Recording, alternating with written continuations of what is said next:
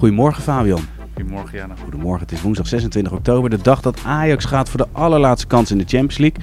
Daar gaan wij het niet over hebben. Freek heeft al uitgebreid vooruitgeblikt. We hebben zelfs een video op VI Pro. Dus alles wat je daarover kan weten, lezen, nou, is terug te vinden op VI Pro. Wij gaan het hebben over de wedstrijden van dinsdagavond. En laten we eens beginnen met PSG. Um, wil ik eigenlijk twee dingen aan je voorleggen. Het supertrio is niet te stoppen. En Gauthier is de beste artiestenmanager van Europa. Beginnen met de eerste. Ja, denk dat, we daar, dat ik daarmee eens ben natuurlijk. Ja, het was, uh, het was, het was ongekend. En uh, ik, ik moet erbij denken, ik ben dit jaar bij Lille tegen uh, PSG geweest. Dat was, ik, was eigenlijk de eerste keer dat ik PSG live zag. En toen was het al vrij betoverend. Ja. En sindsdien kijk ik ook met een iets andere blikken naar van bepaalde verwachting van zou het weer zo, zou het weer zo groot zijn. Was het, was het toeval toen? Toen wonnen ze met 7-1. Ja. Was dat een soort toeval of dat viel alles op zijn plek? Dus dat ik gisteren weer te kijken en denk je, ja, de ene goal nog mooier dan de andere. Zo, zo, uh, zo weergaloos. En, um, ja, en we doen alsof het normaal is. Want we hebben natuurlijk ook wedstrijden gezien dat je denkt van ja, ze lopen elkaar in de weg. Ze gunnen elkaar het licht niet in de ogen. En dan een, een aantal spelers daar, we hebben het over Mbappé, Messi, Ja. Neymar. Maar als je dan de wedstrijd tegen Haifa, en natuurlijk we moeten ook de tegenstander wel meenemen. Maar dan zie je soms combinaties dat je denkt van ja, hoe, hoe ga je dit, laat maar zeggen, in godsnaam stoppen? Ja, inderdaad. En je, ja, inderdaad, wat je zegt, je leest die verhalen dat dat onmin was en zo, maar op het veld is er eigenlijk niks van terug te zien. Uh, ook het gevoel dat ze elkaar gunnen, ze gunnen elkaar, ze geven elkaar assist en uh, ze scoren ook alle drie in de eerste helft zo achter elkaar, alle, de drie grote Ja. jongens. Ja, dat was, uh, ja, ik, ik vraag me ook af hoe het te stoppen is. Goed, dat hebben we toen ook al een paar jaar geleden gedacht dat ze er toch ook uitgingen. Dat ze ook Ja. zo hadden ze toen ook weer het beste van het beste, dachten ze op dat moment. Um, nu is het misschien daadwerkelijk zo. Uh, ook omdat je afvraagt welke andere clubs dan wel nog beter in vorm zouden zijn op dit moment. Manchester City. Man City, ja, gisteren dan vond ik het meevallen, maar goed, het hoeft ook niet. Uh, er zat geen druk op, hè? Er zat geen druk Nee. op. Dit, dit was prima zo. Ja. Uh, gelukkig, ik, ik heb in de Switch gekeken, dus ik heb niet alles daarvan meegekregen. Maar wat ik daarvan zag, was niet heel spectaculair. Nee, we hebben het vaak over inderdaad de Sterren van Parijs. Het is een project dat natuurlijk al een aantal jaren uh, aan de gang is. Um, sinds dit jaar is Gaultier daar. Ja. Uh, en, en ja, kunnen we wel stellen dat hij in ieder geval een stukje rust heeft teruggebracht bij de club uit Parijs?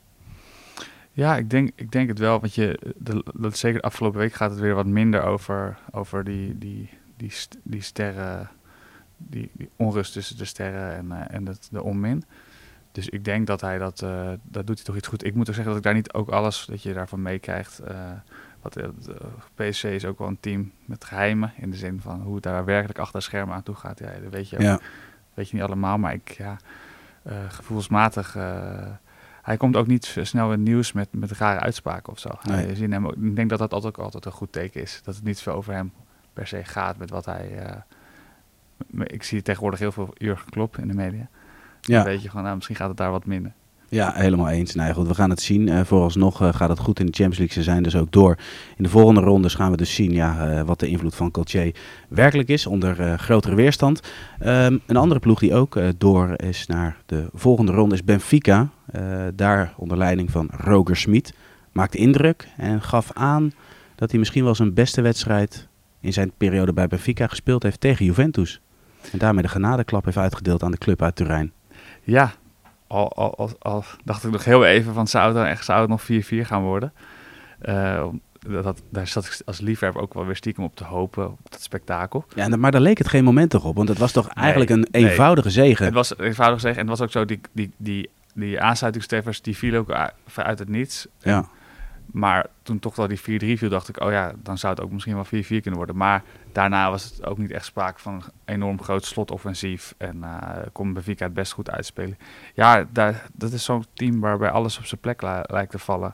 En uh, dat ze Juve zo oprollen. En ja, Roger Smit heeft toch een soort eer, eerherstel uh, ja.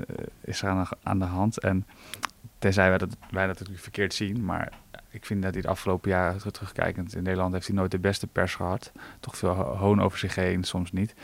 Um, soms weer wel. En nu, uh, ja, dit zijn wel zegens. Ja, absoluut. Ja. Als we nou één speler eruit moeten pakken, hè, want dat is sowieso als team is het leuk om naar te kijken. Zetten goed druk. Het speelt als team is heel dynamisch.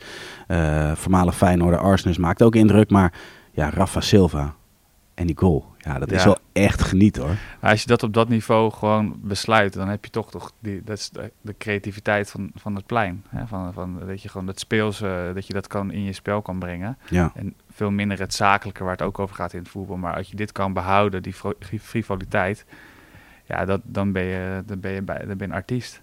ja. En eh, die andere goal ook met dat wippertje. Dus ook niet zomaar binnengeschoven met- door de benen van de keeper een puntertje, maar net even zo mooi. Ja, dat is, dat is prachtig. Daar ga je voor het stadion. Enorm cliché dit, maar Ja, absoluut. Hebt dus tot dusver genoten van de wedstrijd. We gaan nog één club Ja. gaan bespreken. En dat doen we wel om de volgende reden. Jij bent eh, met Ruben naar Madrid gegaan. Ja. Eh, destijds heb je Real Madrid, Shakhtar Donetsk gezien. Heb Ja. jij ook Moedrik aan het werk gezien? ja, Ehm, ja, ik heb hem vooralsnog alleen op de televisie gezien, waarin hij onwijs veel indruk maakt. ja. Jij hebt hem gevolgd echt in het stadion. Ja. Hoe goed is die jongen? Ja, heel goed. En ook heel aanwezig. Ehm, je, ja, je hebt soms spelers dat je je wel eens afvraagt. Hè? Wij, wij geven natuurlijk ook bij V altijd cijfers aan spelers. En dan vraag je soms wel eens af, goh, ja, hoe heeft die eigenlijk gespeeld? Die viel niet op. Bij hem is het tegenovergestelde waar. Hij, hij springt in het oog, ook omdat hij altijd die bal wil hebben. Altijd heel erg, ja, heel dartel en, en springend aan die zijlijn van geef mij die bal, geef mij die bal. En hup. En er gebeurt iets. en de blik gaat altijd meteen vooruit en hij gaat linksom, rechtsom. Er gaat iets gebeuren. En dat is ook zo'n fijn gevoel als toeschouwer. Dat je denkt, ja, geef hem maar die bal, want nu, nu wordt het leuk. Ja. En ehm, dat, dat, vond ik, dat vond ik toen die avond ook al ehm, in Madrid. eh, dat ik daar nou, niet verbaasd over was, want ik wist toen wel dat hij al goed was. Maar gisteren zag je dat ook weer.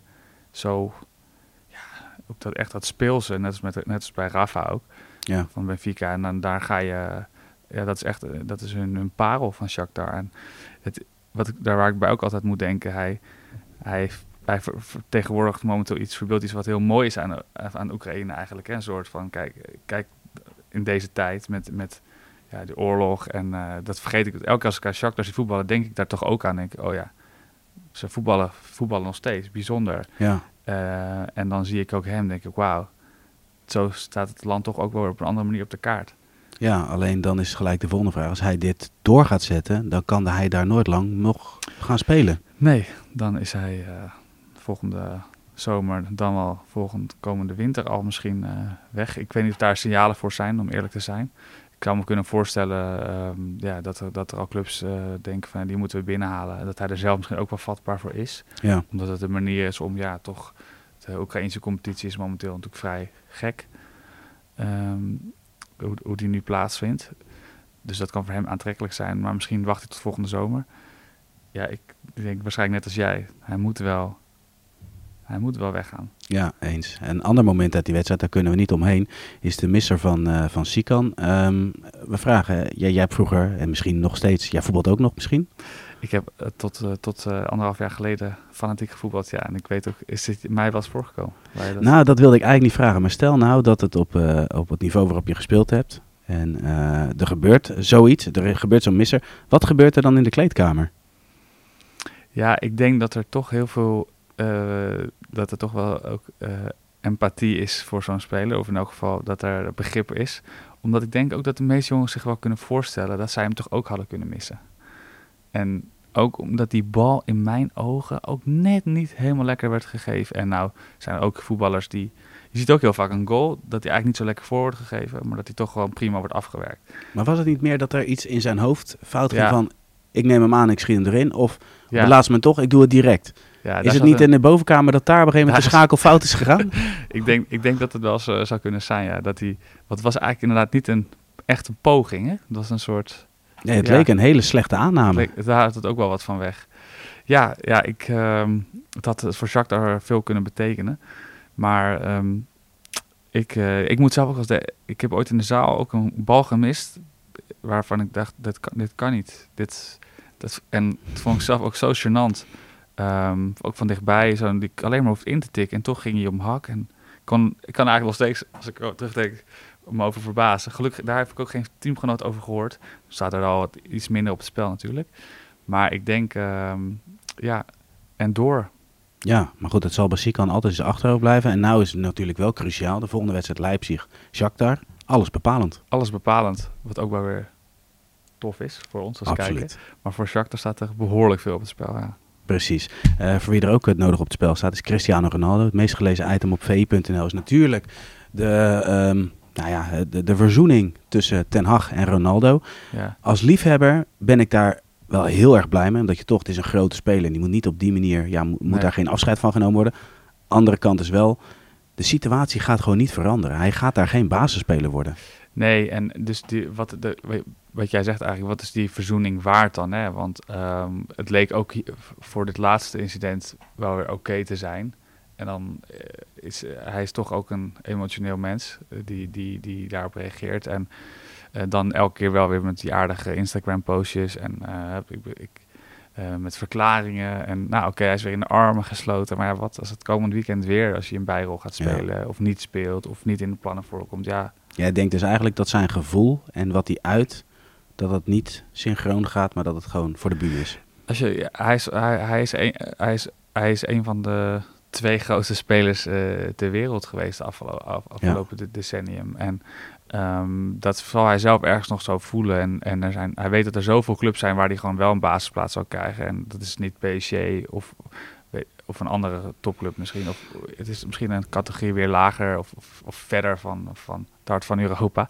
Eh, maar dan krijgt hij dit. eh, en Ten Hag, die natuurlijk zijn eigen plannen is, daar heel erg aan vasthoudt. Wat volkomen begrijpelijk is. Maar dan is het gewoon... En dapper. En dapper, ja, hij gaat tegen de, nou, tegen de, de stroom in, in, althans in de media. Dat je denkt, want daar is toch wel onbegrip voor, voor dit, eh, Ja. deze taferelen. Ja, ik, dit kan niet meer, dit wordt geen match meer. Waarmee niet per se eh, eh, eh, veel boosheid hoeft over weer te zijn. Maar dit, jij zegt eigenlijk dat de verzoening zal tijdelijk zijn. Dat, dat is jouw verwachting. ja, want Ronaldo wil, wil, hij wil spelen. Hij wil de, spot, de spotlights op zich gericht. En dat is niet als je vanuit, de, vanuit de kleedkamer naar de dugout loopt en weer terug. Nee, Dus dit gaat, blijft knagen. helemaal mee eens. Fabian, jij bedankt voor jouw bijdrage. En jongens, jullie bedankt voor het kijken en voor het luisteren. Morgen zijn we natuurlijk weer terug met een nieuwe VZSM. Doei!